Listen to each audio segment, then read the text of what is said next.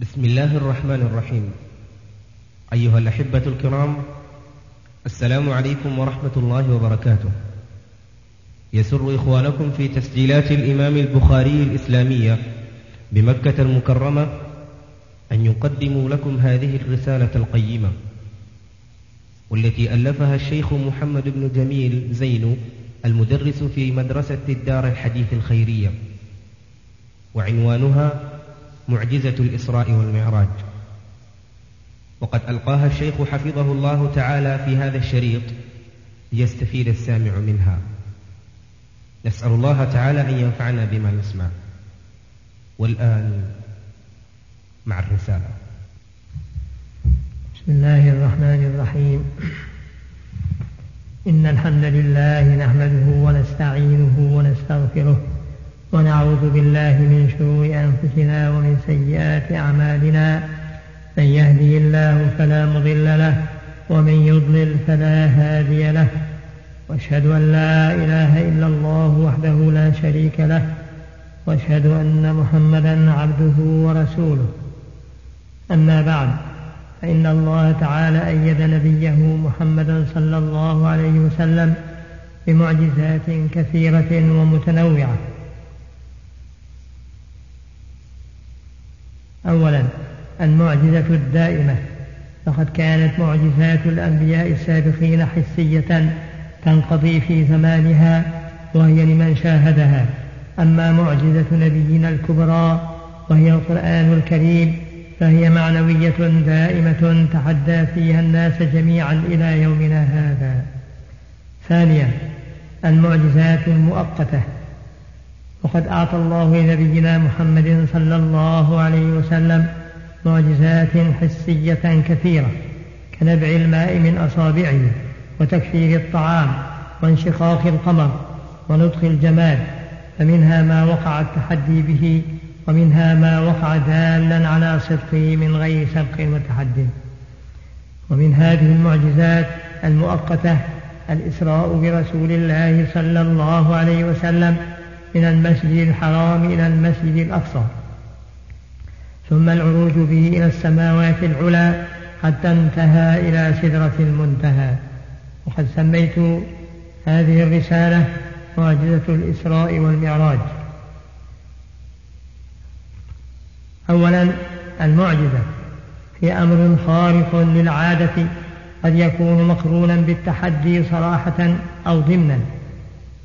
يجري الله هذا الأمر على يد أنبيائه والمعجزة دالة على صدق النبي فمتى ظهرت المعجزة على يد إنسان وقارن ظهورها دعوى النبوة علمنا بالضرورة صدقه لأن من لأنه من المستحيل أن يؤيده الله وهو كاذب. ثانيا المعجزات ليست من صنع الأنبياء.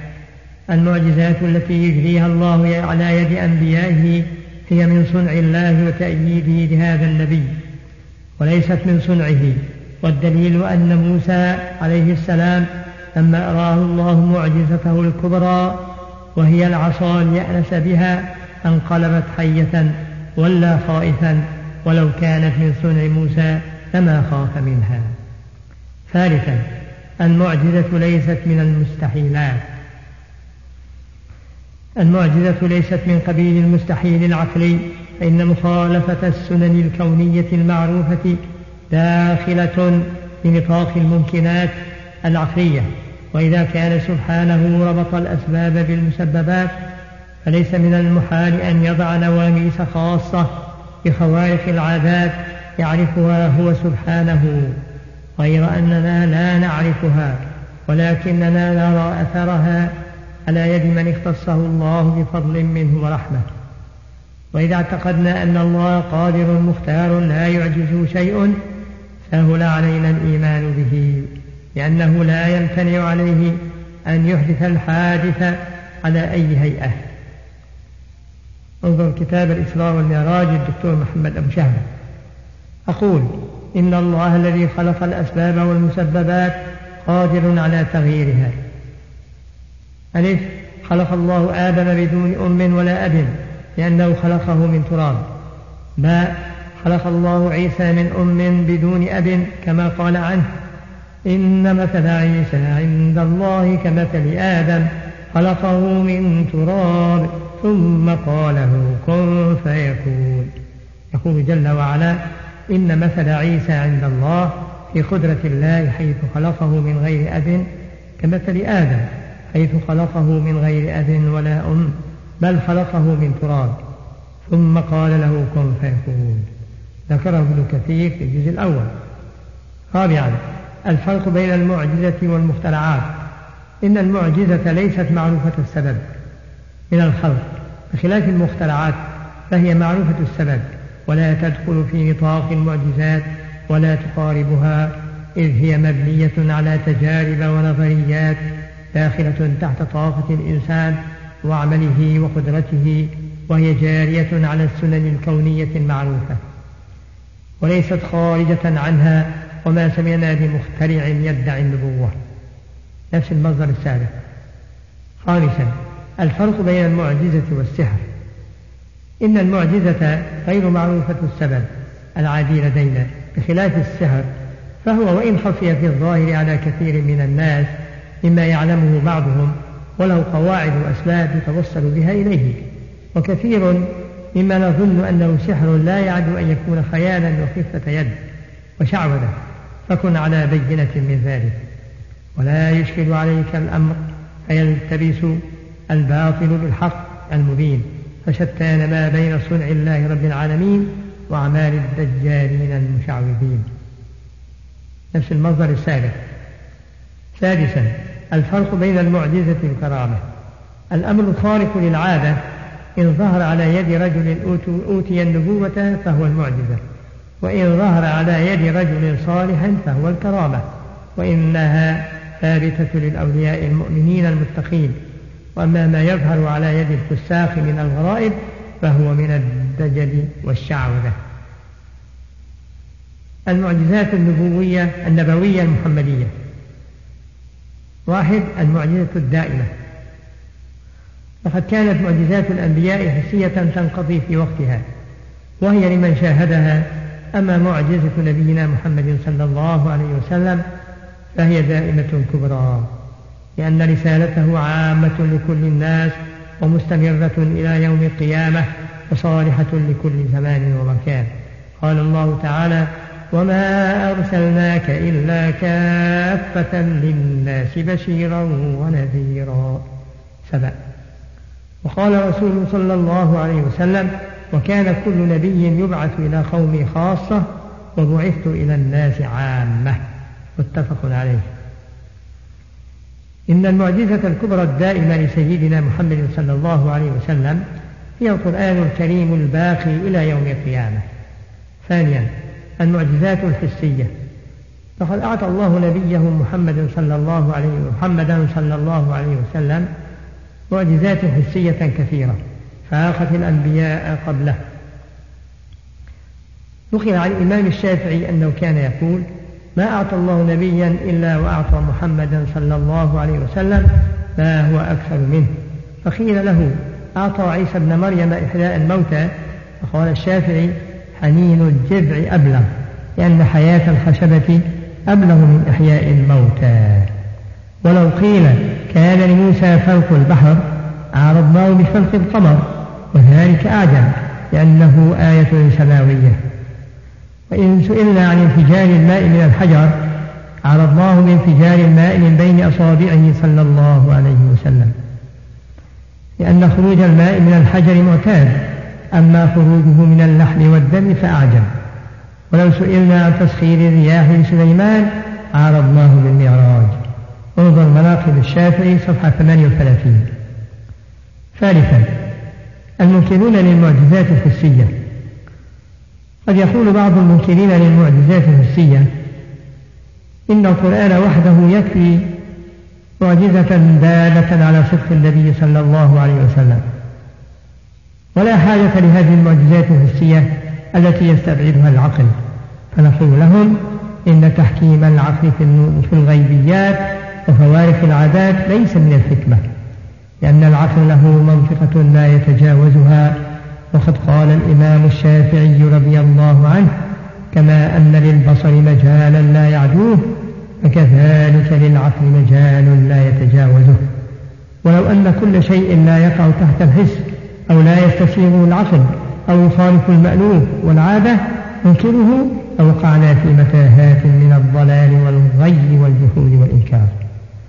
الخلاصة إن كل شيء أخبر الشارع بوقوعه فهو في دائرة الإمكان ومن يدعي الاستحالة فعليه البيان.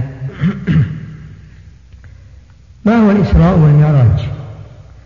الإسراء هو ذهاب الله بنبيه محمد صلى الله عليه وسلم راكبا على البراق من المسجد الحرام بمكة إلى المسجد الأقصى في القدس في جزء من الليل ثم رجوعه من ليلته. المعراج هو صعود الرسول صلى الله عليه وسلم من المسجد الأقصى في تلك الليلة بعد إسرائه إلى السماوات العلى ثم إلى سدرة المنتهى ثم رجوعه إلى بيت المقدس من تلك الليلة. ألف ثبوت الإسراء والمعراج. الإسراء ثابت في القرآن الكريم والأحاديث الصحيحة الكثيرة. أما القرآن ففي قول الله تعالى سبحان الذي أسرى بعبده ليلا من المسجد الحرام إلى المسجد الأقصى الذي باركنا حوله لنريه من آياتنا إنه هو السميع البصير. يستفاد من هذه الآية فوائد ومعاني سامية أولا بدأ الآية بلفظ سبحانه لأن من قدر على هذا فهو مستحق للتنزيه والتقديس وفيها معنى التعجب وما أجدر الإسراء أن يتعجب منه. ثانيا وفي ذكر العبد في هذا المقام تشريف وتحذير أن يتخذ الإسراء وسيلة لرفع الرسول صلى الله عليه وسلم من مقام العبودية إلى مقام الألوهية. ثالثا وذكر لفظ ليلا مع أن الإسراء لا يكون إلا ليلا للإشارة إلى أنه في جزء من الليل. رابعا والمسجد الحرام بمكة وسمي حراما لحرمته والمسجد الأقصى وسمي بالأقصى لبعده من المسجد الحرام. خامسا والمراد بقوله باركنا حوله البركات الدينية والدنيوية. ألف أما بركاته الدينية فلكونه مقر الأنبياء ومهاجر الكثير منهم وقبلتهم ومهبط الملائكة وهو أحد المساجد الثلاثة التي تشد إليها الرحال مسجد مكة ومسجد المدينة. ومسجد بيت المقدس والتي يضاعف فيها ثواب الصلاة. باء وأما الدنيوية فلما يحيط بها من الأنهار الجارية والزروع والبساتين النضرة. سادسا.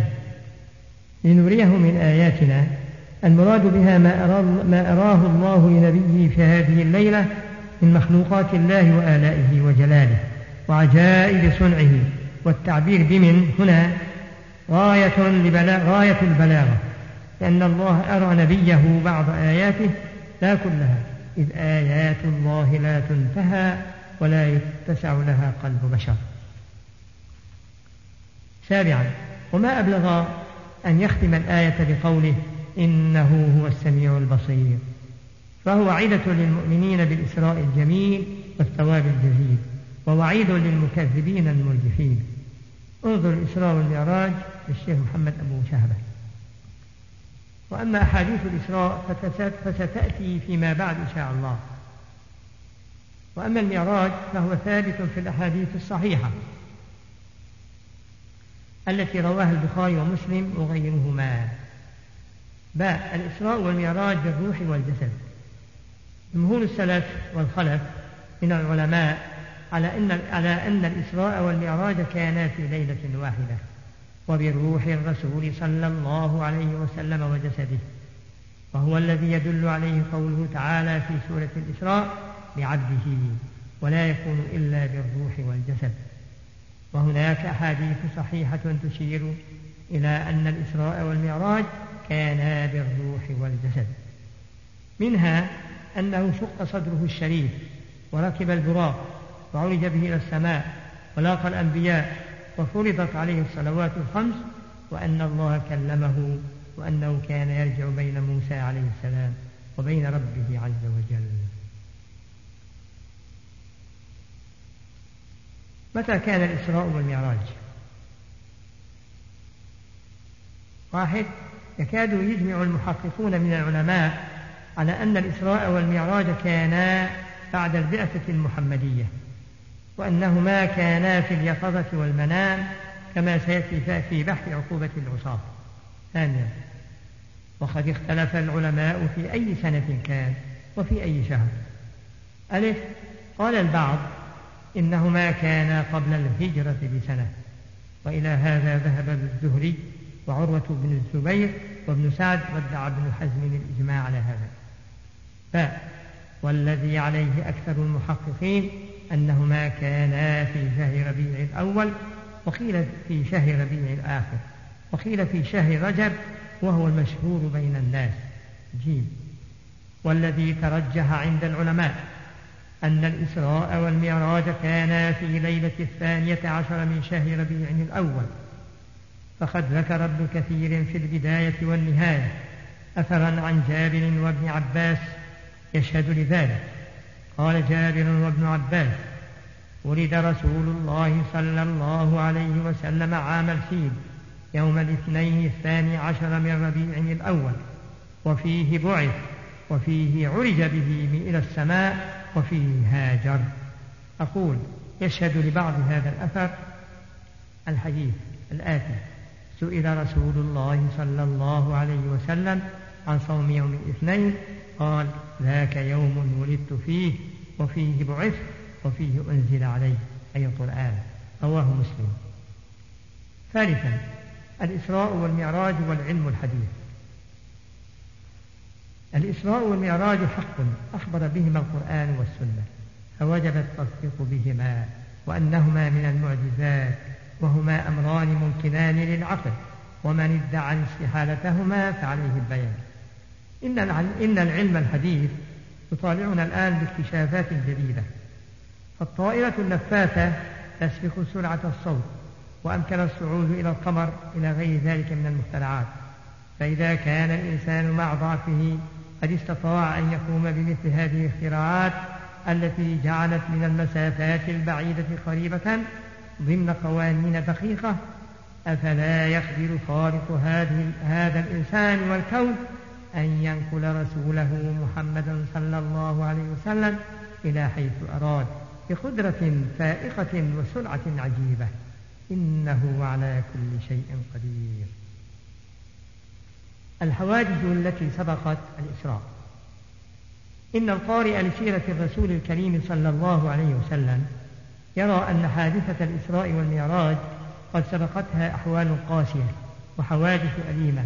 أحاطت بالرسول من كل جانب واعترضت سبيل دعوته وسببت له مشاكل كثيرة.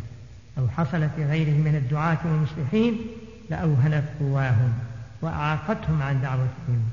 ولكن ما في الرسول صلى الله عليه وسلم من شجاعة وصبر وإيمان بصدق دعوته جعله يستهين بكل ما يحصل له ويعترض طريقه ولعل في هذا درسا عمليا مفيدا للدعاة والمصلحين من حملة رسالته ليقتدوا به ويستهينوا بالصعاب التي تعترض سبيلهم. وأهم هذه الحوادث الأنيمة التي سبقت إسراءه صلى الله عليه وسلم ثلاث. أولا موت عمه أبي طالب. لا شك أن أبا طالب كان نصيرا لابن أخيه محمد صلى الله عليه وسلم وحاميا له. حيث لم يجرؤ أحد أن يلحق بالنبي أذى شديدا إلا بعد موت عمه إذ وجد الكفار فرصة سانحة للاستخفاف بشأنه والإمعان في إيذائه صلى الله عليه وسلم. ثانيا خروجه إلى الطائف. لقد ضاق الرسول صلى الله عليه وسلم بالمشركين في مكة ذرعا بعد كل هذا التكذيب والإيذاء الذي صدر منهم له. فكان لا بد له من الانتقال إلى بلد آخر لنشر الدعوة فيه. وخرج الرسول صلى الله عليه وسلم إلى الطائف أقرب بلد إلى مكة. وله فيها أقارب وأرحام لعله يستعين بهم على المشركين في بلده. وعسى أن يجد منهم عطفا عليه وتصديقا لدعوته وتسلية لمصابه وإكراما لضيافته. ولكن الأمر كان على العكس تماما. إذ ما كاد يعرض الرسول صلى الله عليه وسلم عليهم دعوته حتى خفوا لتكذيبه وإخراجه من بلدهم. ولم يكتفوا بذلك حتى سلطوا عليه عبيدهم وسفهاءهم يخلفونه بالحجارة مما أدمى قدميه. ولم, يز ولم يعد يستطيع متابعة السير عليهما فجلس قرب بستان لأحد أعدائه وقد أسند ظهره إلى حائط يمسح الدم بيده بعد أن أنهكه التعب والجوع والجراح وإذا بملك الجبال يهبط من السماء ويعرض عليه أن يطبق عليهم الجبلين فيهلكهم. فلا يكون جواب الرسول الكريم الرحيم إلا أن يقول بل أرجو أن يخرج الله من أصلابهم من يعبد الله وحده لا يشرك به شيئا. متفق عليه. جلس الرسول صلى الله عليه وسلم يفكر كيف يستطيع أن يدخل مكة بعد هذا كله. فأرسل إلى الأخنس بن شريح أن يدخل مكة في حمايته وجواره. فأبى. ثم أرسل إلى المطعم بن عدي يطلب هذا فرضي وكان يذكرها له. ثانيا موت خديجة. وقد زاد في مرارة هاتين الحادثتين موت عمه وخروجه إلى الطائف موت زوجته الوفية خديجة رضي الله عنها التي كانت تخفف آلامه وتشجعه في دعوته وتمده بأموالها فخل الميدان من العم الشفيق الناصر وانطفأ سراج البيت بموت الزوج الحبيب المؤنس فسمى بعض المؤرخين ذاك العام عام الحزن. بعد كل هذه الحوادث الأليمة والهزات النفسية التي زادت من هموم الرسول صلى الله عليه وسلم وتعبه أراد الله أن يكرمه بالإسراء والمعراج ليريه من آياته وليلتقي بالأنبياء عليهم الصلاة والسلام الذين وجدوا في دعوتهم من الصعاب مثل ما وجده في دعوته. ها هم الأنبياء يقتدون به في بيت المقدس. وها هي الملائكة ترحب به في السماوات. وكأنه قيل له يا محمد فإن كان يؤذيك شتم السفهاء في الأرض أما يؤذيك ترحيب الملائكة والمرسلين بك في السماوات؟ لئن اصطف حولك الجاهلون المجرمون يسقونك بالحجارة فها هم الأنبياء يصطفون خلفك لتأمهم بالصلاة. حديث الإسراء والمعراج. قال رسول الله صلى الله عليه وسلم فرج عن سقف بيته وأنا بمكة فنزل جبريل ففرج صدري شقه ثم غسله بماء زمزم ثم جاء بطست من ذهب ممتلئ حكمة وإيمانا فأفرغه في صدري ثم أطبقه. رواه البخاري جزء واحد صفحة واحد وتسعين. أولا الإسراء. قال رسول الله صلى الله عليه وسلم أتيت بالبراق وهو دابة أبيض طويل فوق الحمار ودون البغل يضع حافره عند منتهى طرفه. قال فركبته حتى أتيت بيت المقدس فربطته بالحلقة التي يربط بها الأنبياء ثم دخلت المسجد فصليت فيه تحية المسجد ركعتين ثم خرجت فجاءني جبريل عليه السلام بإناء من خمر وإناء من لبن فاخترت اللبن. فقال جبريل عليه السلام اخترت الفطرة. رواه مسلم. انظر جامع الأصول الجزء الحادي عشر صفحة 300 ثانيا المعراج. انطلق جبريل عليه السلام بالرسول صلى الله عليه وسلم حتى أتى السماء الدنيا. جبريل خازن السماء افتح. الخازن من هذا؟ جبريل. جبريل. الخازن هل معك أحد؟ جبريل. نعم. معي محمد صلى الله عليه وسلم. الخازن وقد أرسل إليه هل دعاه مولاه؟ جبريل. نعم. الملائكة. مرحبا به. نعم المجيء جاء.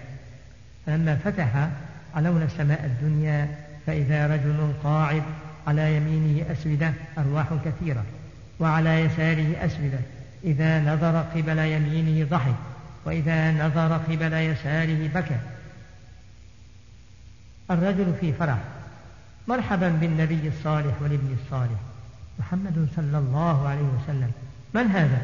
جبريل. هذا آدم. وهذه الأسودة عن يمينه وشماله نسم بنيه أرواحهم. أهل اليمين منهم أهل الجنة. والأسودة التي عن شماله أهل النار. فإذا نظر عن يمينه ضحك وإذا نظر عن شماله بكى. ثم صعد جبريل بي إلى السماء الثانية. جبريل للخازن افتح. الخازن من هذا؟ جبريل جبريل. الخازن هل معك أحد؟ جبريل. نعم معي محمد صلى الله عليه وسلم. الخازن وقد أرسل إلي.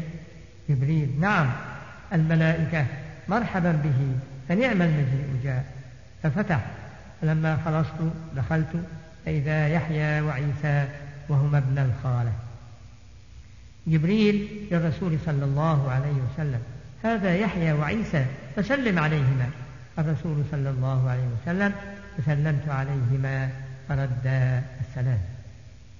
يحيى وعيسى مرحبا بالأخ الصالح والنبي الصالح. ثم صعد بي إلى السماء الثالثة فاستفتح ففتح وقالوا مثل ما قالت الأولى والثانية. فلما خلصت فإذا يوسف عليه السلام فسلمت عليه فرد السلام. ثم صعد بي حتى أتى السماء الرابعة فاستفتح فقالوا له مثل ذلك. فلما خلصت فإذا إدريس فسلمت عليه فرد السلام. ثم صعد بي جبريل حتى أتى السماء الخامسة فاستفتح فقالوا مثل ذلك. فلما خلصت دخلت فإذا هارون فسلمت عليه فرد السلام. ثم صعد بي حتى أتى السماء السادسة فاستفتح فقالت الملائكة للرسول مثل ذلك. فلما خلصت فإذا موسى فسلمت عليه فرد السلام. ثم صعد بي حتى أتى السماء السابعة فاستفتح جبريل. الخازن من هذا؟ جبريل جبريل الخازن ومن معه؟ جبريل محمد صلى الله عليه وسلم. الخازن وقد بعث إليه جبريل. نعم. الملائكة في فرح مرحبا به فنعم المجيء جاء. الرسول صلى الله عليه وسلم فلما خلصت دخلت. جبريل هذا أبوك إبراهيم فسلم عليه. الرسول صلى الله عليه وسلم فسلمت عليه فرد السلام وقد أسند ظهره إلى البيت المعمور وإذا هو يدخله كل يوم سبعون ألف ملك لا يعودون إليه. إبراهيم مرحبا بالابن الصالح والنبي الصالح. ثم ذهب بي إلى سدرة المنتهى فإذا أوراقها كآذان الفيلة وثمرها كالقلال الجيران الكبيرة فلما غشيها من أمر الله ما غشيها تغيرت. فما أحد يستطيع أن ينعتها لحسنها أوحى الله إلي ما أوحى. ففرض علي خمسين صلاة في كل يوم وليلة. فنزلت إلى موسى.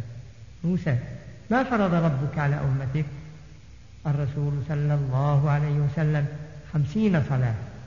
موسى ارجع إلى ربك فاسأله التخفيف فإن أمتك لا تطيق ذلك. فإني قد بلوت بني إسرائيل وخبرتهم. الرسول صلى الله عليه وسلم. فرجعت إلى ربي فقلت يا ربي خفف عن أمتي فحط عني خمسا. فرجعت إلى موسى فقلت حط عني خمسا. موسى إن أمتك لا يطيقون ذلك. فارجع إلى ربك فاسأله التخفيف. فلم أزل أراجع بين ربي تبارك وتعالى وبين موسى عليه السلام حتى قال حتى قال الرب تعالى يا محمد إنهن خمس صلوات كل يوم وليلة لكل صلاة عشر فذلك خمسون صلاة. ومن هم بحسنة فلم يعملها كتبت له حسنة فإن عملها كتبت عشرا. ومن هم بسيئة ولم يعملها لم تكتب شيئا فإن عملها كتبت سيئة واحدة. قال أي رسول فنزلت فانتهيت إلى موسى فأخبرته. موسى ارجع إلى ربك فاسأله التخفيف. الرسول صلى الله عليه وسلم قد رجعت إلى ربي حتى استحييت منه ولكن أرضى وأسلم. ثم انطلق بي جبريل حتى نأتي سدرة المنتهى فغشيها ألوان لا أدري ما هي. قال ثم أدخلت الجنة فإذا فيها جنابل قصور اللؤلؤ. وإذا ترابها المسك. أصل القصة في البخاري ومسلم. انظر جامع الأصول الجزء الحادي عشر صفحة 292 من فوائد حديث المعراج. أولا أن للسماء أبوابا حقيقية وحفظة موكلين بها. ثانيا وفيه إثبات الاستئذان وأنه ينبغي لمن يستأذن أن يقول أنا فلان. ولا يقتصر على أنا لأنه ينافي مطلوب الاستفهام. ثالثا أن المار يسلم على القاعد وإن كان المار أفضل من القاعد. رابعا وفيه استحباب تلقي أهل الفضل بالبشر والترحيب والثناء والدعاء. خامسا جواز مدح الإنسان المأمون عليه الافتتان في وجهه. سادسا جواز الاستناد إلى القبلة بالظهر وغيره مأخوذ من استناد إبراهيم إلى البيت المعمور. وهو كالكعبة في أنه قبلة من كل جهة. سابعا وفيه جرم قبل وقوع الفعل تخفيف الصلاة من خمسين إلى خمس. ثامنا فضل السير بالليل على السير بالنهار لما وقع أن الإسراء وقع بالليل ولذلك كانت عبادته صلى الله عليه وسلم بالليل وكان أكثر سفره بالليل. قال صلى الله عليه وسلم عليكم بالدلجة فإن الأرض تطوى بالليل. حديث صحيح رواه أبو داود. تاسعا. وفيه أن التجربة أقوى من تحصيل المطلوب من المعرفة الكثيرة. يستفاد ذلك من قول موسى عليه السلام النبي صلى الله عليه وسلم أنه, أنه عالج الناس قبله وجربهم. عاشرا. ويستفاد من تحكيم العادة والتنبيه بالأعلى على الأدنى. لأن من من من سلف من الأمم كانوا أقوى أبدانا من هذه الأمة. وقد قال موسى إنه عالجهم على أقل من ذلك فما وافقوه. حادي عشر. وفيه أن الجنة والنار قد خلقتا لقوله في بعض طرقه التي بينتها عرضت علي الجنة والنار. ثاني عشر.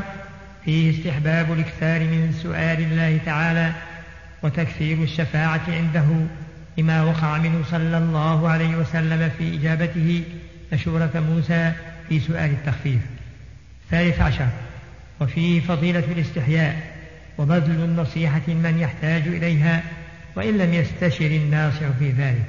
انظر فتح الباري الجزء السابع صفحة 217 رابع عشر. الرضا والتسليم بعد المراجعة من الرسول صلى الله عليه وسلم.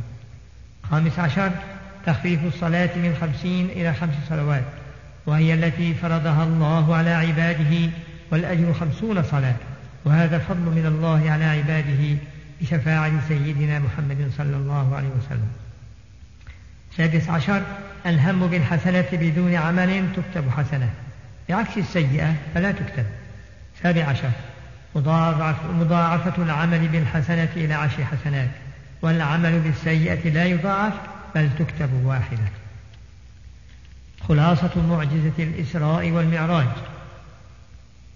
وقد لخص الحافظ ابن كثير حادثة الإسراء والمعراج فقال أولا والحق أنه عليه السلام أسري به يقظة لا مناما من مكة إلى إلى بيت المقدس راكبا البراق. فلما انتهى إلى باب المسجد ربط الدابة عند الباب ودخله فصلى في قبلته تحية المسجد ركعتين. ثانيا ثم أتي بالمعراج وهو كالسلم ذو درج يرقى فيها فصعد فيه إلى السماء الدنيا ثم إلى بقية السماوات السبع فتلقاه من كل سماء مقربوها وسلم على الأنبياء الذين في السماوات بحسب منازلهم ودرجاتهم حتى مر بموسى الكليم في السادسة وإبراهيم الخليل في السابعة ثم جاوز منزلتهما صلى الله عليه وسلم وعليهما وعلى سائر الأنبياء حتى انتهى إلى مستوى يسمع فيه صريف الأقلام أي أقلام القدر بما هو كائن. ثالثا ورأى سدرة المنتهى. سميت بذلك لأنها ينتهي إليها علم الرسل والملائكة ولم يجاوزها أحد إلا نبينا صلى الله عليه وسلم. وغشيها من أمر الله تعالى عظمة عظيمة من فراش من ذهب وألوان متعددة. وغشيتها الملائكة ورأى جبريل على صورته وله ستمائة جناح ورأى رفرفا حلة جبريل وثيابه. أخضر قد سد الأفق. سدرة المنتهى شجرة ذات ثمر كبير وأوراق طويلة تغشاها الملائكة وفراش الطير. رابعا ورأى البيت المعمور وإبراهيم الخليل باني الكعبة الأرضية مسند ظهره إليه لأنه الكعبة السماوية يدخل يدخله كل يوم سبعون ألفا من الملائكة يتعبدون فيه ثم لا يعودون إليه إلى يوم القيامة. خامسا ورأى الجنة والنار وفرض الله عليه هنالك الصلوات الخمسين ثم خففها إلى خمس رحمة منه ولطفا بعباده. وفي هذا اعتناء عظيم بشرف الصلاة وعظمتها. سادسا. ثم هبط إلى بيت المقدس وهبط معه الأنبياء وصلى بهم لما حانت الصلاة. ويحتمل الصبح من يومئذ. ومن الناس من يزعم أنه أمهم في الصلاة. والذي تظاهرت به الروايات أنه ببيت المقدس. ولكن في بعضها أنه كان أول دخوله إليه. والظاهر أنه بعد رجوعه إليه لأنه لما مر بهم في منازلهم جعل يسأل عنهم جبريل واحدا واحدا وهو يخبر بهم. وهذا هو اللائق لأنه كان أولا مطلوبا إلى الجناب العلوي ليفرض عليه وعلى أمته ما يشاء الله تعالى. ثم لما فرغ من الذي أريد به اجتمع به هو وإخوانه من النبيين. ثم أظهر شرفه عليهم بتقديمه في الإمامة. وذلك عن إشارة جبريل عليه السلام في ذلك. سابعا. ثم خرج من بيت المقدس فركب البراق وعاد إلى مكة بغلس والله أعلم. ثامنا. وأما عرض الآنية من اللبن والعسل أو اللبن أو اللبن والخمر أو اللبن والماء أو الجميع فقد ورد أنه في بيت المقدس وجاء أنه في السماء ويحتمل أن يكون ها هنا وها هنا لأنه كالضيافة. والله أعلم. انظر تفسير ابن كثير الجزء الثالث وصفحة 22 من عبرة الإسراء والمعراج. أولا شق الصدر. من أراده الله لأمر عظيم أعده إعدادا قويا. فموسى عليه السلام حينما أرسله الله إلى الطاغية فرعون جعل له آية العصا وأجرى له تجربة عملية حتى لا يخاف منها حينما تنقلب حية تسعى. كذلك الرسول محمد صلى الله عليه وسلم شق جبريل صدره وملأه حكمة وإيمانا ليتأهب لما يراه في الإسراء والمعراج. والقلب إذا طاب بالإيمان طاب الجسد كله كما قال النبي صلى الله عليه وسلم ألا وإن في الجسد مضغة إذا صلحت صلح الجسد كله ألا وهي القلب. متفق عليه. ثانيا البراق جرت عادة الملوك والأكابر إذا دعوا إلى ضيافتهم عزيزا عليهم أرسلوا إليه مركوبا يحمله ودليلا يؤنسه. وهذا ما فعله المولى الكريم بنبيه محمد صلى الله عليه وسلم حين أرسل إليه جبريل بالبراق.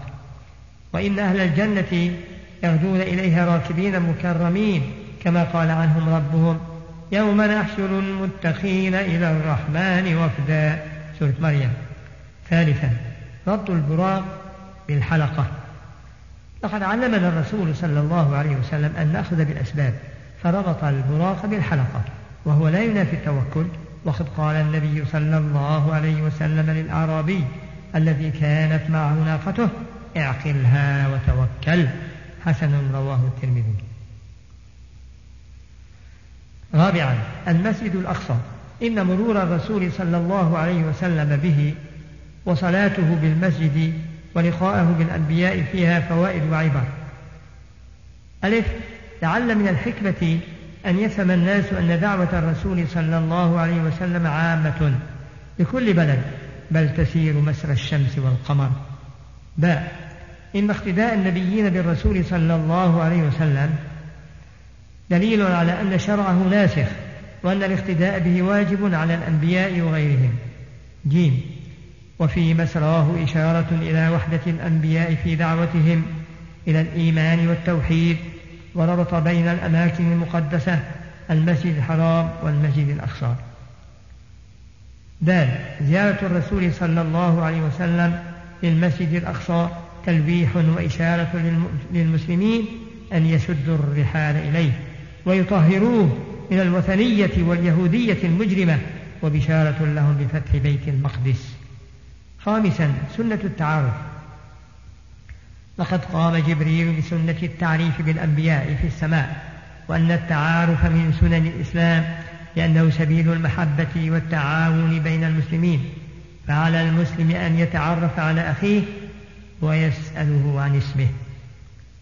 سادسا شعور الأب نحو أولاده. فقد رأى الرسول صلى الله عليه وسلم آدم في السماء يضحك فرحا حينما يرى أولاده السعداء ويبكي ألما حين يرى أولاده الأشقياء وهذا شعور كل والد نحو ولده فليت الأولاد يقدرون هذا ويسلكون طريق السعادة والخير ليدخلوا الفرح على أبيهم ويبتعدوا عن الشقاء لئلا يفتنوه. سابعا الجرأة في الحق. لقد صارح الرسول صلى الله عليه وسلم قومه بما رأى في إسرائه ولم يحسب حسابا لتصديقهم أو تكذيبهم. وفي هذه الجرأة قدوة للمصلحين أن يجهلوا بالحق. قال الله تعالى الذين يبلغون رسالات الله ويخشونه ولا يخشون أحدا إلا الله. الأحزاب 39 ثامنا فرض الصلوات. كل العبادات نزل بها الوحي على الرسول صلى الله عليه وسلم وهو في الأرض. أما الصلاة فقد رفع الله رسوله إلى فوق السماوات حتى فرضها عليه وعلى أمته. أليس هذا دليلا على أهمية الصلاة؟ وأنها معراج أرواح المؤمنين إلى رب العالمين. ومن فضل الله العظيم أن الصلاة فرضت خمسين في الأصل ثم خففت إلى خمس بشفاعة الرسول الكريم صلى الله عليه وسلم وبقي الأجر في الأصل خمسين. تاسعا إثبات العلو لله تعالى. إن عروج الرسول صلى الله عليه وسلم إلى السماوات العلى وإلى سدرة المنتهى حتى كلمه ربه تعالى دليل واضح على علو الله تعالى فوق سماواته علما بأن هناك أدلة صريحة من القرآن والأحاديث على ذلك. أولا قال الله تعالى ثم استوى إلى السماء فسواهن سبع سماوات. البقرة 29 قال مجاهد أبو العالية استوى على وارتفع. رواه البخاري في كتاب التوحيد الجزء الثامن صفحة 175 باء. وقال رسول الله صلى الله عليه وسلم إن الله كتب كتابا قبل أن يخلق الخلق. إن رحمتي سبقت غضبي. فهو مكتوب عنده فوق العرش رواه البخاري. عاشرا لقد عرج الرسول صلى الله عليه وسلم السماوات العلى حتى بلغ سدرة المنتهى. فكان هذا المعراج رمزا للارتفاع عن حياة مليئة بالمشكلات والمظالم إلى عالم تسوده الرحمة والطمأنينة. فإن صعد الإنسان في هذا العصر المادي إلى الفضاء وحاول الوصول إلى القمر ليسيطر بظلمه على عالم آخر.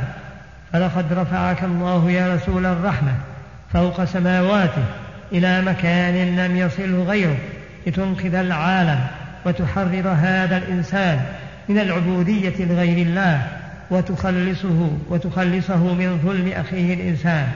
ثم نزلت إلى الأرض لتنشر بتعاليمك السمحة العدل والرحمة للناس كافة. تخلصه وتخلصه من ظلم أخيه الإنسان.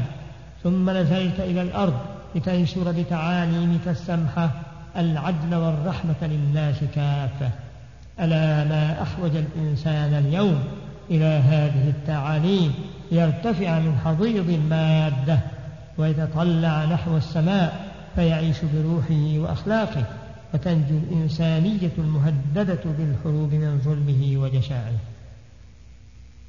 هل رأى محمد صلى الله عليه وسلم ربه ليلة المعراج؟ اختلف العلماء في الرؤية على قولين. واحد قال فريق منهم إن محمدا صلى الله عليه وسلم رأى ربه. ثانيا وقال آخرون إنه لم ير ربه. أقول الصحيح من هذه الأقوال أن النبي صلى الله عليه وسلم لم ير ربه والدليل على ذلك ما يلي ألف لقد صح عن عائشة رضي الله عنها أنها قالت من زعم أن محمدا رأى ربه فقد أعظم الفرية على الله. متفق عليه. باء.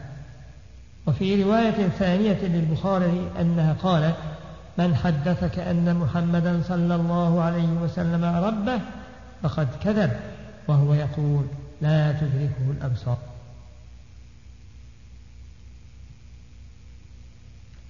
وللعلماء أدلة أخرى أنقلها للسامع ليكون على بينة من أمره. واحد تحقيق شيخ الإسلام. قال ابن تيمية في الفتاوى ما نصه وليس في الأدلة ما يقتضي أنه رآه بعينه. ولا ثبت ذلك عن أحد من الصحابة ولا في الكتاب والسنة ما يدل على ذلك.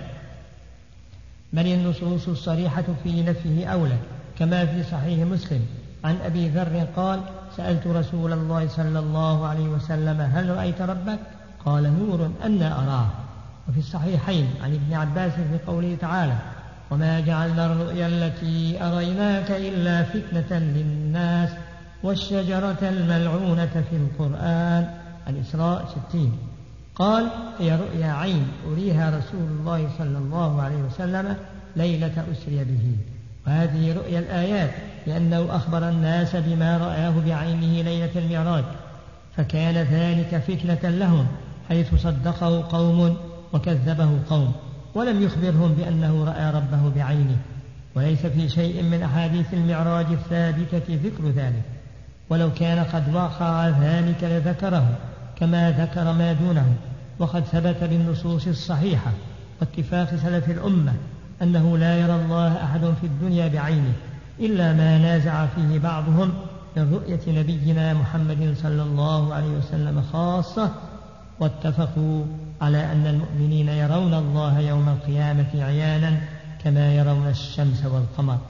الفتاوى السادس صفحة 509 ثانيا ورجح العلامة محمد أمين الشنقيطي في كتابه أضواء البيان عدم الرؤيا فليراجع ومثله ابن حجر في الفتح.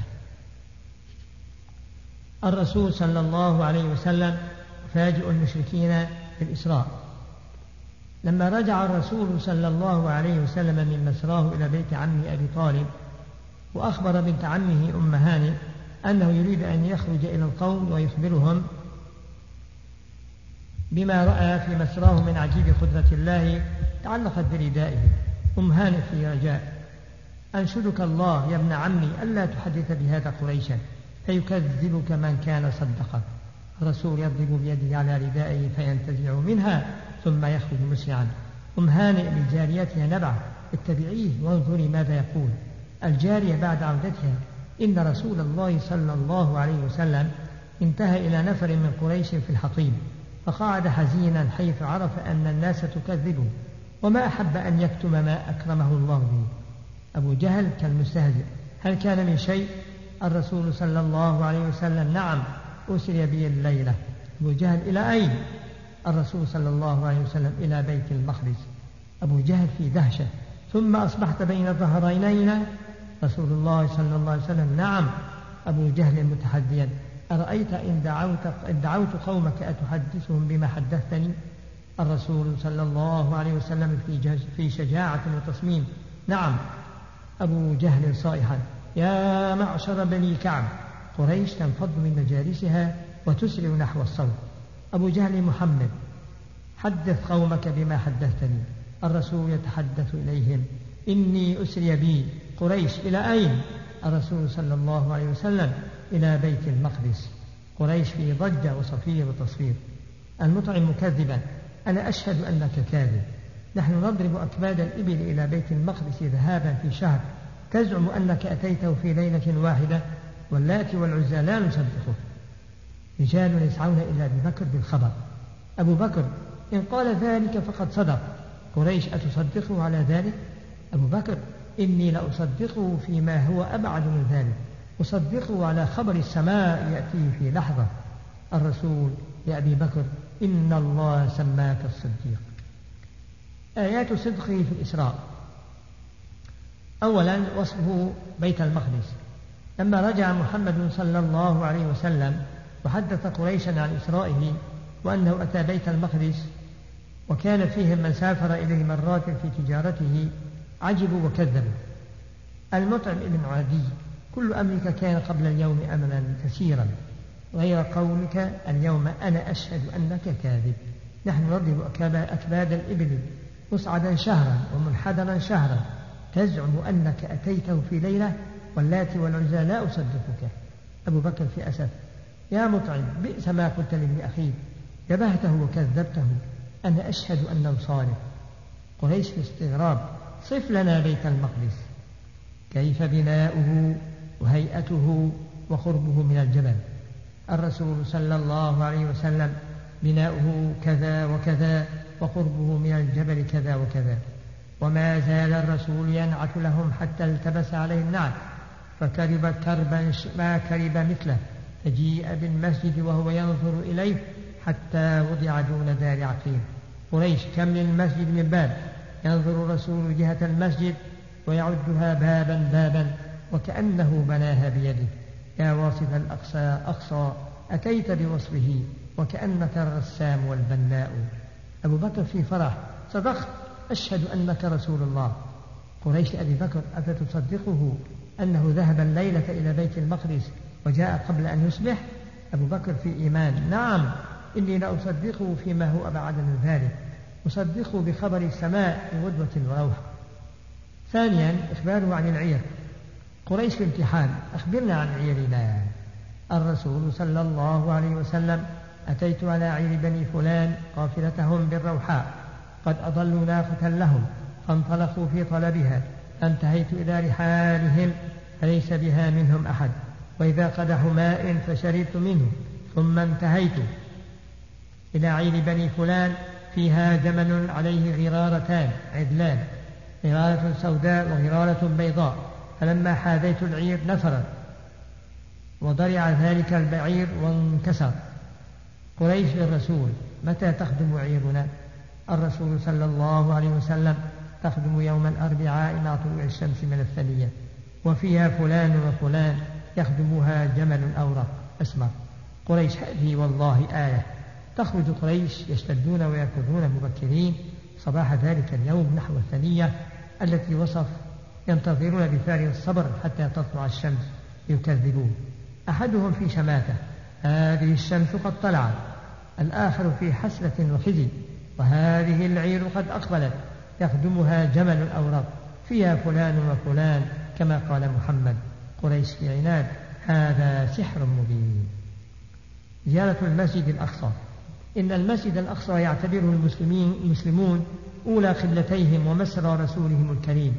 وإنما حوله من بلاد باركها الله وجعلها موطن النبوات سابقا أصبحت اليوم مهددة باليهود اللئام وإن في زيارة المسلمين للمسجد الأقصى وما حوله حافزا قويا يثير في النفوس الهمم للدفاع عن بيت المقدس واسترداد ما اغتصبه اليهود.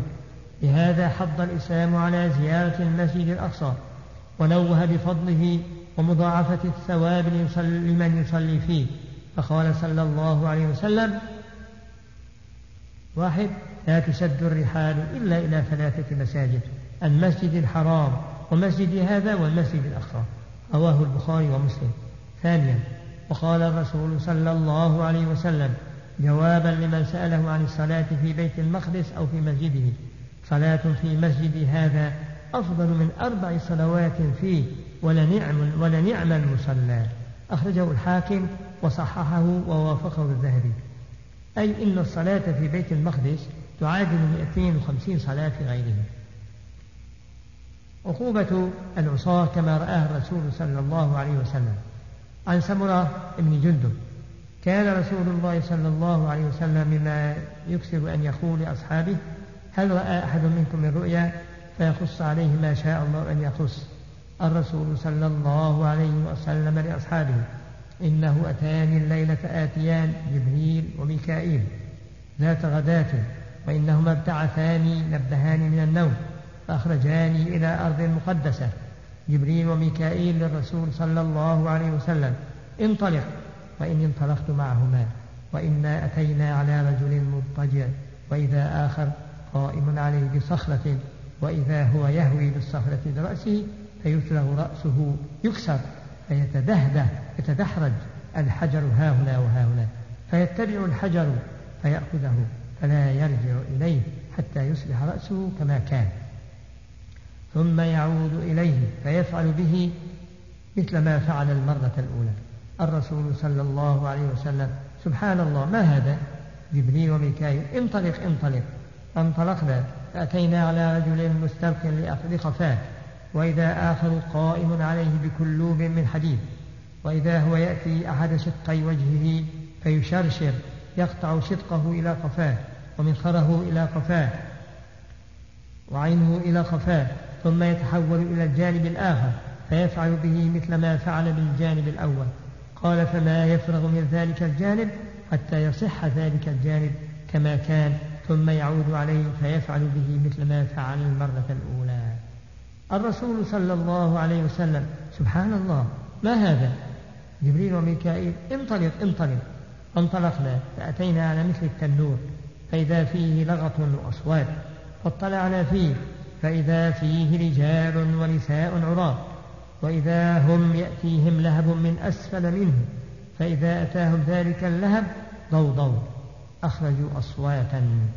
الرسول صلى الله عليه وسلم ما هؤلاء؟ جبريل وميكائيل انطلق انطلق فانطلقنا فأتينا على نهر أحمر مثل الدم. وإذا في النهر رجل سابح يسبح وإذا على شاطئ النهر رجل قد جمع عنده حجارة كثيرة. وإذا ذلك السابح يسبح ما يسبح ثم يأتي ذلك الذي قد جمع عنده الحجارة فيصغر فاه فيلقمه حجرا فينطلق فيسبح ثم يرجع إليه كلما رجع إليه فغر فتح فاه. فألقمه حجرا. الرسول صلى الله عليه وسلم ما هذا جبريل وميكائيل؟ انطلق انطلق.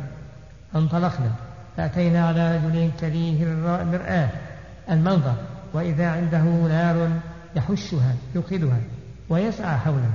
الرسول صلى الله عليه وسلم ما هذا جبريل وميكائيل؟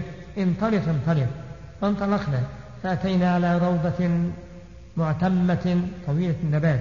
معشبة فيها من كل نوع زهر الربيع. وإذا بين ظهري الروضة رجل طويل لا أكاد أرى رأسه. وإذا حول الرجل أكثر ولدان رأيتهم قط. الرسول صلى الله عليه وسلم ما هذا؟ ما هؤلاء؟ جبريل وميكائيل انطلق انطلق. فانطلقنا فأتينا على روضة عظيمة لم أر قط أعظم منها ولا أحسن. جبريل وميكائيل إلقى فارتقينا فيها إلى مدينة مبنية بلهب بلبن مبنية بلبن ذهب ولبن فضة فأتينا باب المدينة فاستفتحنا ففتح لنا فدخلناها فأتينا فتلقانا رجل شطر من خلقهم كأحسن ما أنت رائل وشطر منهم كأقبح ما أنت رائل. الملائكة لهؤلاء الرجال اذهبوا فقعوا في ذلك النهر. وإذا نهر معترض يجري كأن ماءه المحض من البياض. فذهبوا فوقعوا فيه ثم رجعوا إلينا. وقد ذهب ذلك السوء عنهم فصاروا في أحسن صورة. الملائكة للرسول صلى الله عليه وسلم هذه جنات عدن وهذاك منزلك فسما بصري صعدا مرتفعا فإذا قصر مثل الربابة البيضاء السحابة البيضاء جبريل وميكائيل هذاك منزلك الرسول صلى الله عليه وسلم بارك الله فيكما ذراني فأدخله الملائكة أما الآن فلا وأنت داخله. الرسول صلى الله عليه وسلم فإني رأيت منذ الليلة عجبا أما هذا الذي رأيت؟ جبريل وميكائيل. أما إنا سنخبرك. عقوبة تارك القرآن والصلاة. أما الرجل الأول الذي أتيت عليه يتلغ يكسر رأسه بالحجر فإنه الرجل يأخذ القرآن فيرفضه وينام عن الصلاة المكتوبة. عقوبة الرجل الكذاب. وأما الرجل الذي أتيت عليه يشرشر شدقه إلى قفاه ومنخره إلى قفاه وعينه إلى قفاه فإنه الرجل يغدو من بيته فيكذب الكذبة تبلغ الآفاق عقوبة الزواني والزانيات. وأما الرجال والنساء العراة الذين هم في مثل بناء التنور فإنهم الزناة والزواني عقوبة آكل الربا. وأما الرجل الذي أتيت عليه يسبح في النهر ويلقم الحجارة فإنه آكل الربا. وظيفة خازن جهنم. أما الرجل الكريه المرآة الذي عند النار يحسها ويسعى حولها فإنه مالك خازن جهنم. إبراهيم حوله الأولاد وأما الرجل الطويل الذي في الروضة فإنه إبراهيم وأما الولدان الذين حوله فكل مولود مات على الفطرة. بعض المسلمين للرسول صلى الله عليه وسلم يا رسول الله وأولاد المشركين؟ رسول الله صلى الله عليه وسلم وأولاد المشركين. الذين تجاوز الله عنهم وأما القوم الذين كانوا شطر منهم حسن وشطر منهم قبيح فإنهم قوم خلطوا عملا صالحا وآخر سيئا تجاوز, تجاوز الله عنهم. رواه البخاري انظر فتح الباري الجزء الثاني عشر صفحة 438 باب تعبير الرؤيا بعد صلاة الصبح. من فوائد الرؤيا في هذا الحديث أن الإسراء وقع مرارا يقظة ومناما على أنحاء شتى وأن المنام تحقق يقظة ليلة الإسراء.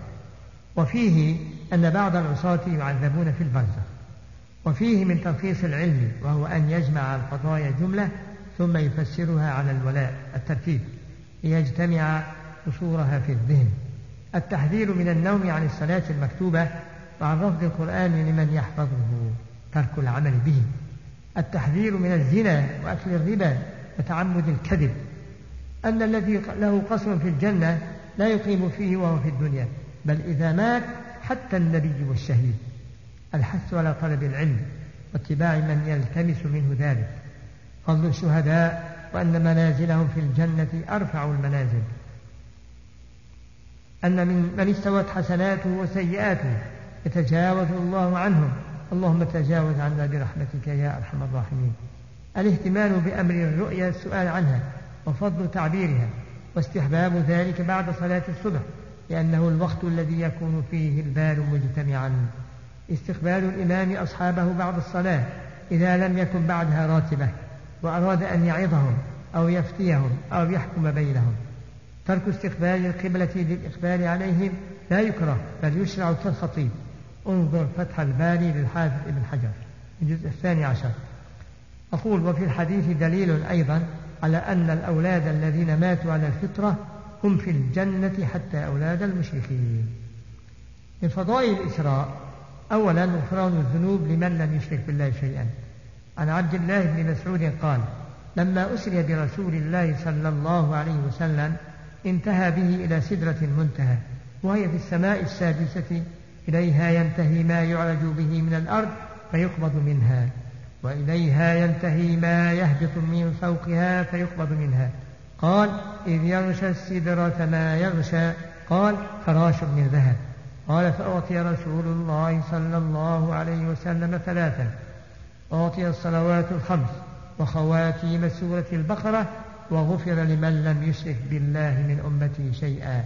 المقحمات أي الكبائر من الذنوب المهلكات التي تقحم صاحبها في النار. رواه مسلم. فراش طيور. ثانيا دعاء التعوذ من الجن. وعن أبي هريرة رضي الله عنه قال قال رسول الله صلى الله عليه وسلم رأيت ليلة أسري بي عفريتا من الجن يطلبني بشعلة من نار. كلما التفت إليه رأيته. فقال جبريل ألا أعلمك كلمات تقولهن فتنطفئ شعلته؟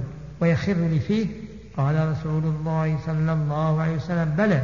فقال جبريل قل أعوذ بوجه الله الكريم وبكلمات الله التامات التي لا يجاوزهن بر ولا فاجر من شر ما ينزل من السماء ومن شر ما يعرج فيها ومن شر ما ذرأ في الأرض ومن شر ما يخرج منها ومن فتن الليل والنهار ومن طوارق الليل إلا طارقا يطرق بخير يا رحمن.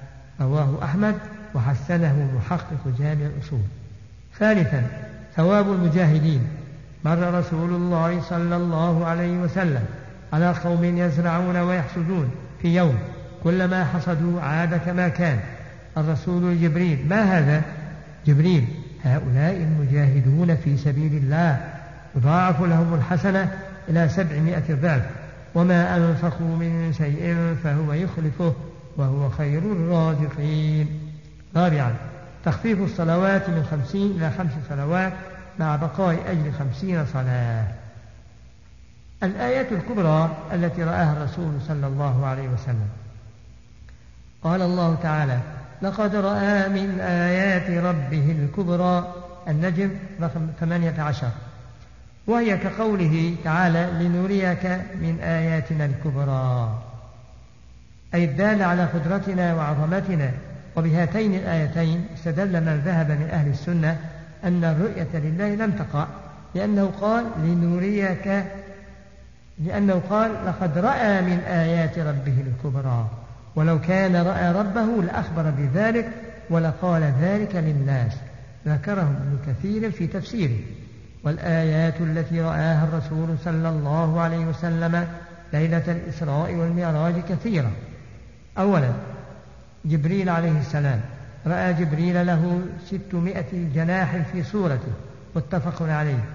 ما كذب الفؤاد ما رأى قال رأى رسول الله صلى الله عليه وسلم جبريل عليه حلتا رفرف قد ملأ ما بين السماء والأرض الرفرف الثياب الخضر. ثم دنا فتدلى يعني جبريل محمد صلى الله عليه وسلم. فكان قاب قوسين أو أدنى القاب نصف أصبع وقال بعضهم ذراعين كان بينهما. فأوحى إلى عبده ما أوحى معناه فأوحى جبريل إلى عبد الله محمد ما أوحى أو فأوحى الله إلى عبده محمد ما أوحى. بواسطة جبريل وكلا المعنين صحيح ذكره ابن كثير. ولقد رآه نزلة أخرى قال رسول الله صلى الله عليه وسلم إنما ذاك جبريل. لم يره في صورته التي خلق عليها إلا مرتين. رآه منهبطا من السماء إلى الأرض سادا عظم خلقه ما بين السماء والأرض. متفق عليه. ثانيا السدرة المنتهى. قال الله تعالى إذ يغشى السدرة ما يغشى النجم. وفي الحديث فلما غشيها من أمر الله ما غشيها تغيرت. فما أحد من خلق الله يستطيع أن ينعتها من حسنها رواه مسلم. وقال ابن مسعود لما أسري برسول الله صلى الله عليه وسلم انتهى به إلى سدرة المنتهى وهي في السماء السابعة إليها ينتهي ما يعرج به من الأرض فيقبض منها وإليها ينتهي ما يهبط به من فوقها فيقبض منها. ذكره ابن كثير في تفسيره. وفي الحديث ثم رفعت إلى سدرة المنتهى فإذا نبقها مثل قلال هجر وإذا أوراقها كآذان الفيلة نبقها مثل قلال هجر أي ثمرها كبير رواه البخاري. ثالثا البيت المعمور. وفي الحديث فرفع لي البيت المعمور. فسألت جبريل فقال هذا البيت المعمور. يصلي فيه كل يوم سبعون ألف ملك. إذا خرجوا لم يعودوا إليه آخر ما عليهم. وفي رواية البيت المعمور مسجد في السماء بحذاء الكعبة لو خر لخر عليها. رواه البخاري. واستدل من الحديث على أن الملائكة أكثر المخلوقات لأنه لا يعرف من جميع العوالم ما ينجرد من جنسه في كل يوم سبعون ألفا غير ما ثبت عن الملائكة في هذا الحديث. رابعا الأنهار الأربعة. قال رسول الله صلى الله عليه وسلم ألف ثم رفعت إلى سدرة المنتهى وإذا أربعة أنهار نهران باطنان ونهران ظاهران فقلت ما هذا يا جبريل؟ قال أما الباطنان فنهران في الجنة. هما الكوثر والسلسبيل. وأما الظاهران فالنيل والفرات. رواه البخاري ومسلم. باء وقع في حديث شريك ومضى به يرقى السماء فإذا هو بنهر آخر. عليه قصر من لؤلؤ وزبرجل فضرب بيده فإذا هو مسك أذفر فقال صلى الله عليه وسلم ما هذا يا جبريل؟ قال هذا الكوثر الذي خبأ لك ربك. جيم. ووقع في رواية يزيد عن أنس عند ابن أبي حاتم أنه بعد أن رأى إبراهيم قال ثم انطلق بي على ظهر السماء السابعة حتى انتهى إلى نهر عليه خيام اللؤلؤ والياقوت والزبرجد وعليه طير خضر أنعم طير رأيت قال جبريل هذا الكوثر هذا الكوثر الذي أعطاك الله فإذا آنيته الذهب والفضة يجري على رضراض من الياقوت والزبرجد ماؤه أشد بياضا من اللبن. قال صلى الله عليه وسلم فأخذت من آنيته فاغترفت من ذلك الماء فشربت. فإذا هو أحلى من العسل وأشد رائحة من المسك. دال قال الحافظ في الفتح ووقع في صحيح مسلم من حديث أبي هريرة أربعة أنهار في الجنة النيل والفرات وسيحان وجيحان. فيحتمل أن تكون سدرة المنتهى مغروسة في الجنة والأنهار تخرج من تحتها فيصح أنها من الجنة. ها قال النووي في هذا الحديث أن أصل النيل والفرات من الجنة وأنهما يخرجان من أصل سدرة المنتهى. والحاصل أن أصلها في الجنة وهما يخرجان أولا من أصلها ثم يسيران إلى أن يستقرا في الأرض ثم ينبعان. واستدل به على فضيلة ماء النيل والفرات لكون منبعهما من الجنة. وكذا سيحان وجيحان. قال القرطبي لعل ترك ذكرهما في حديث الإسراء لكونهما ليس أصلا برأسهما وأنما وإنما يحتمل أن يتفرع عن النيل والفرات.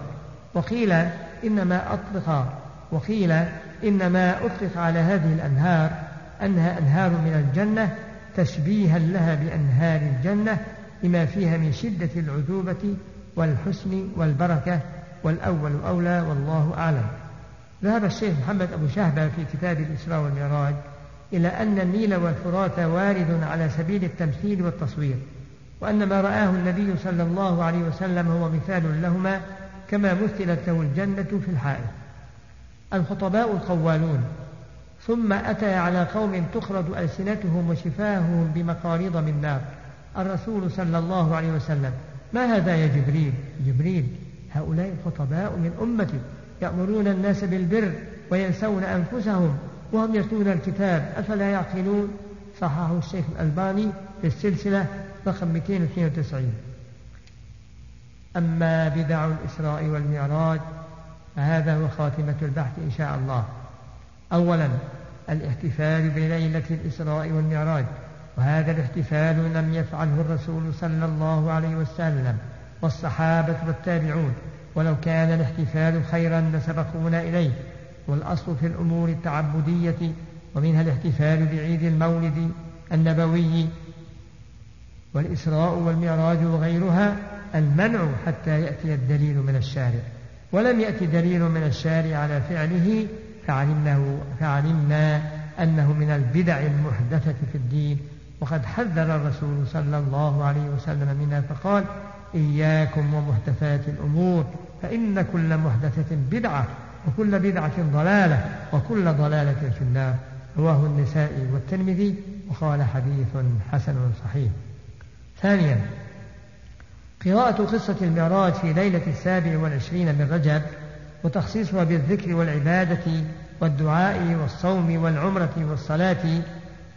وليعلم أن قصة المعراج المنسوبة إلى ابن عباس كلها أباطيل وأضاليل ولم يصلح منها إلا أحرف قليلة ومن فظيع ما نراه أن بعض المشايخ الذين لا علم لهم بصحيح الحديث من سقيمه يقرؤون هذه يقرؤون هذه القصة على الناس في ليلة السابع والعشرين من شهر رجب. والناس يصدقون أولئك المشايخ علما أنه صلى الله عليه وسلم قال في الحديث المتواتر من كذب علي متعمدا فليتبوأ مقعده من النار. متفق عليه. ومما جاء في معراج ابن عباس أن هناك سماء أن من ذهب وفضة ونحاس وكلها كذب. ثالثا وقد ذهب أكثر المحققين من أهل العلم والتاريخ والسير أن الإسراء والمعراج كان في ليلة الثانية عشر من شهر ربيع الأول وقد ذكر ابن كثير في البداية والنهاية أثرا عن جابر وابن عباس يشهد لذلك يشهد لذلك. قال جابر وابن عباس ولد رسول الله صلى الله عليه وسلم عام الفيل يوم الاثنين الثاني عشر من ربيع الأول وفيه بعث وفيه حرج به إلى السماء وفيه هاجر. وعروج الرسول صلى الله عليه وسلم إلى السماء دليل على أن الله في السماء وفوق العرش كما, كما ثبت ذلك في الكتاب والسنة. اللهم ارزقنا اتباع نبيك محمد صلى الله عليه وسلم وارزقنا حبه ومما جاء به وصلى الله على نبينا محمد وعلى آله وصحبه وسلم.